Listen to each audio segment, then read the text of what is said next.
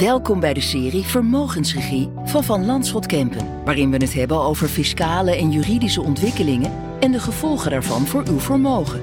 Bart Vroon van het Van Landschot Kenniscentrum praat u bij en vertelt hoe u slim met uw vermogen omgaat. Veel directeur-groot aandeelhouders of DGA's vragen zich af wat hen fiscaal te wachten staat. Sinds de val van het kabinet op 7 juli is het op het gebied van belastingwetgeving erg stil. Er zijn enkele fiscale wetsvoorstellen aangenomen en die zullen worden uitgevoerd. Er stonden ook nog enkele voorstellen in de stijgers en die kunnen worden gepresenteerd op Prinsjesdag. Maar er zijn ook conceptwetsvoorstellen en die lopen nu ongetwijfeld vertraging op of misschien haalt het helemaal niet meer. In deze podcast gaan we wat dieper in op hoe de DGA ervoor staat als het om belastingen gaat. Welke wijzigingen staat de DGA te wachten en hoe kan hij of zij daarop anticiperen? En dat doe ik uiteraard weer met Bart Vroon, vermogensstructureerder bij het kenniscentrum van Verlandschot Kempen. Mijn naam is Maarten van der Pas. Bart, wat natuurlijk gemakkelijk is, hè, zijn die wetswijzigingen die al vaststaan. Daarmee krijgt de DGA sowieso te maken. Welke zijn dat? Nou, dat zijn er eigenlijk drie, hè? drie belangrijke wijzigingen. De eerste betreft uh, de aftrek lijfrentepremie. De tweede betreft uh, excessief lenen. En daarnaast ook nog uh, een hoger box 2 tarief. Mm -hmm. Sinds het in werking treden van de wet toekomst pensioenen op 1 juli kan men meer lijfrentepremie en aftrek brengen. En dat geldt ook voor de DGA. En dat is lucratief. En de premie moet dan wel worden afgestort. Maar dat kan wel met een aftrek tegen 49,5 procent. Nou, de tweede wijziging die betreft excessief lenen. De DGA die krijgt te maken met de wet excessief lenen van de eigen vennootschap. En op de pijldatum van 31 december 2023 wordt gekeken naar alle leningen die de vennootschap aan de DGA en zijn partner en verbonden personen heeft verstrekt. En we hebben daar eerder aandacht aan besteed in onze webinars, maar ook in onze podcast. Ja, ja dat hebben we eerder besproken.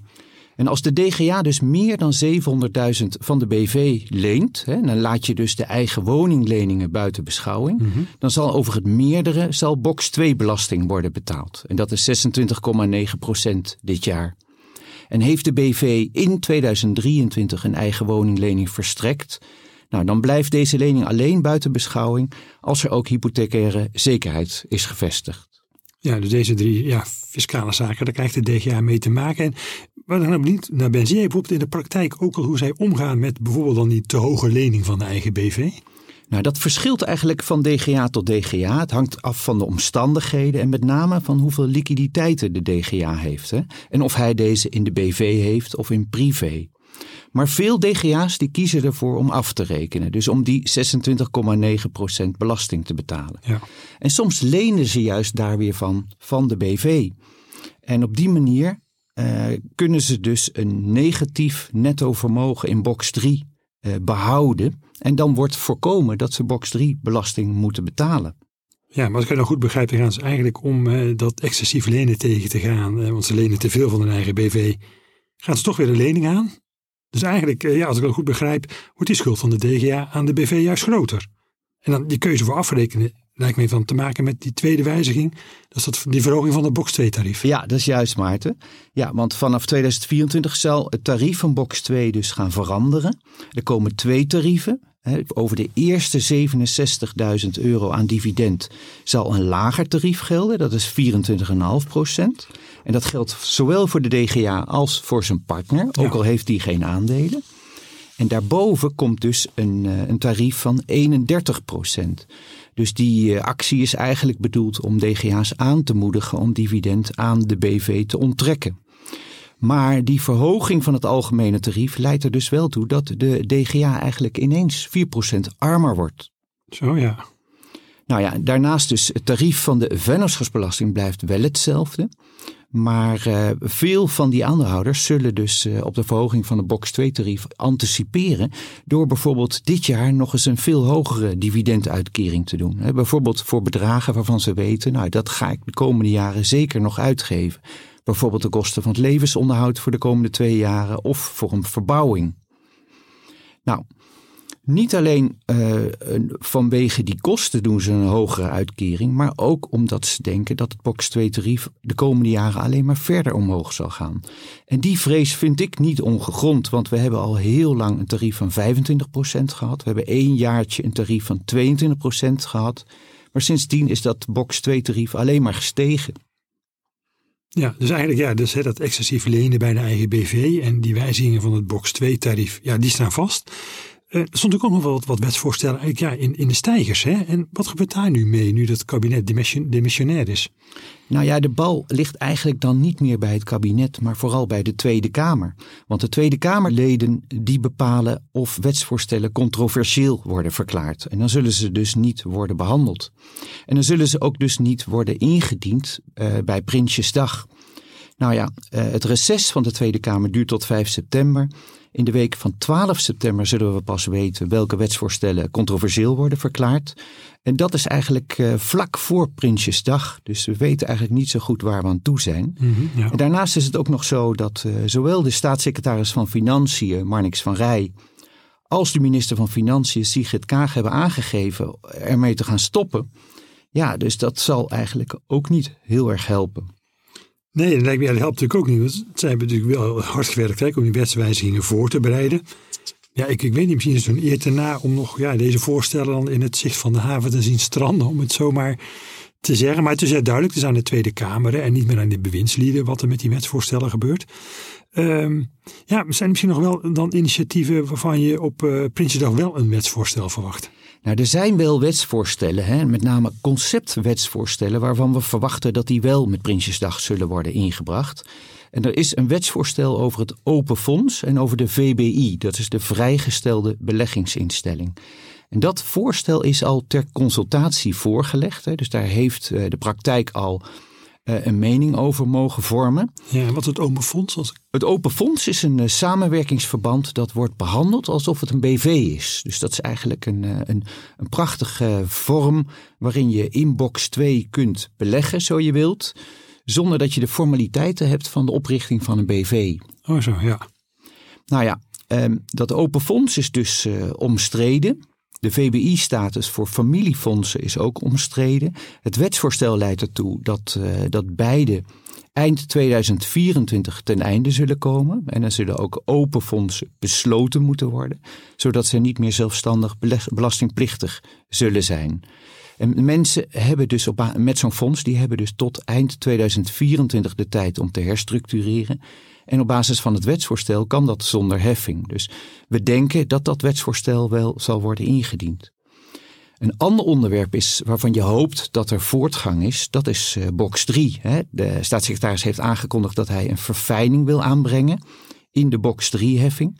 Nou, dat is niet alleen politiek beladen, maar er is ook heel veel druk vanuit de Hoge Raad. Hè. Er zijn uh, proefprocedures, die gaan met name over verhuurde woningen.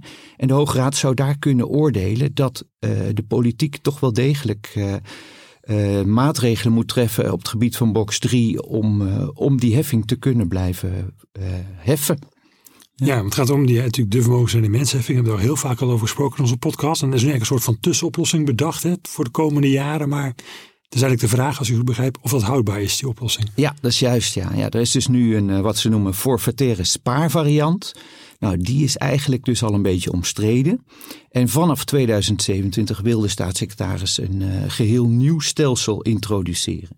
Nou ja, ook dat zullen we nu met Prinsjesdag uh, niet gaan ontvangen. He, de, de staatssecretaris heeft wel met uh, de Tweede Kamer gedebatteerd over denkrichtingen, met name om vastgoed en grond als belegging in box 1 te belasten. Maar uh, ik verwacht in de huidige constellatie uh, dat de staatssecretaris daar geen wetsvoorstel in, met Prinsjesdag gaat inbrengen. Ja, nee, nou blijft dat natuurlijk wel volgen. En zeker ook die proefproces is natuurlijk heel interessant, hè, wat daaruit komt. Maar dat denk ik meer eerder voor een andere podcast. Ja. Um, ja je zei het, het is nu aan de Tweede Kamer. Hè. Ja, die kunnen dus zaken controversieel of niet uh, beschouwen. Heb je een idee ja, wat er misschien aan fiscale voorstellen als controversieel wordt uh, bestempeld? Nou, er zijn een aantal voorstellen uh, waarvan we denken dat, dat die op de langere baan geschoven zullen worden. En uh, één voorstel heeft betrekking op de open CV, de open commanditaire vennootschap. Mm-hmm. Vergelijkbaar met het open fonds dat ik net noemde. Die, die benadering is ongeveer hetzelfde. Uh, ik denk dat, nou ja, dat het nu nog niet met Prinsjesdag zal worden aangebracht, maar wel later en met name wanneer dat open fonds erdoor is. Een ander voorstel heeft betrekking op de BOR en de doorschuifregeling. Dus bedrijfsoverdrachtsregelingen, doorschuifregelingen. Mogelijkheden om bedrijven fiscaal vriendelijk over te dragen naar de volgende generatie. Um, voor wat de BOR betreft is er in de voorjaarsnota voorstel gekomen van het kabinet om de regeling uh, wat aan te scherpen, met name ten aanzien van verhuurd onroerend goed. Mm -hmm.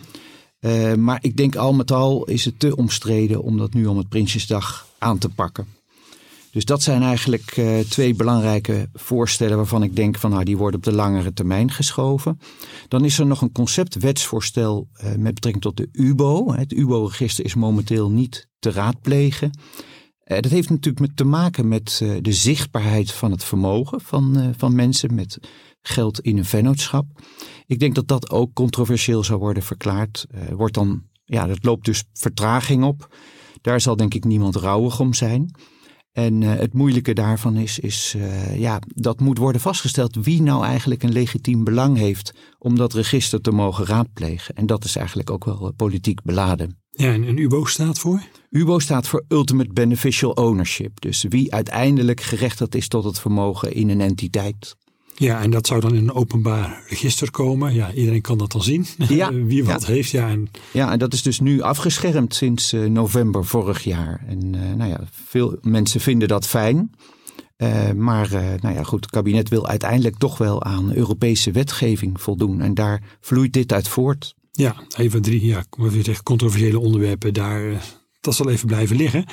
Dan, dan maar eventjes terug naar die DGA's en BV. Hè? Want veel DGA's hebben natuurlijk ook beleggingen in hun eigen BV. Ondervinden die nou nog gevolgen van die wetswijzigingen die je eerder noemde? Nou ja, op zich, kijk, een DGA die kan dus beleggen vanuit zijn BV. Maar die kan ook gewoon in dat open fonds of in een VBI blijven beleggen. Hè. Daar, dat, dat gaat allemaal pas in 2024 spelen. Dus daar is op dit moment geen impact. Uh, belegt een DGA in vastgoed, nou dan is dat toch wel uh, een lastige keuze. Hè? Heb je nu vastgoed in privé, dan heb je eigenlijk nog uh, zes maanden de tijd om dat vastgoed in box 2 te brengen, om aan de hoge box 3 heffing te ontkomen. Mm -hmm. En dat zou op zich ook wel zonder de 10% overdrachtsbelasting kunnen. Daar zijn wel structuren voor. Maar wil de DGA nu in vastgoed beleggen, en heeft hij zijn vermogen in de BV, ja, dan lijkt het logisch om dat vastgoed dan ook in de BV te kopen en niet meer in privé. Heb ik het over aandelenbeleggingen? Ja, dan kijken wij vaak naar omslagrendementen. Maar bij de huidige rendementen en bij de onzekerheid over box 3, nou ja, dan blijft het toch een beetje een moeilijke keuze. En het voordeel van box 2 is dat je dan weet waar je aan toe bent. Hè? Want in de BV word je dan belast over het daadwerkelijk gerealiseerde rendement. Ja. En zijn eventuele ja, verliezen zijn ook compensabel. Wat we in ieder geval over box 3 wel weten, is, is het tarief. Het tarief is volgend jaar 33 procent. En volgend jaar wordt er ook met een forfaitair rendement gerekend op overige bezittingen van 6,04 procent. Dus per saldo 6,04 procent keer 33 procent, dan kom je uit op een heffing van net geen 2 procent. En dit jaar was dat 1,97 procent. Dus het is iets hoger. Nou, tot slot, met het oog op de risicospreiding is het ook niet zo'n slecht idee om je vermogen te verdelen over de drie boxen. Dan zou je dus pensioen- en lijfrente in box 1 hebben, je vermogen in de BV in box 2 en daarnaast vermogen in box 3, bijvoorbeeld je beleggingen, maar ook je tweede woning. Ja, en um, ja, over BV gesproken heb je natuurlijk ook nog de spaar-BV, hè, die ook nog best veel mensen eentje hebben, waarin ze vermogen hebben ondergebracht.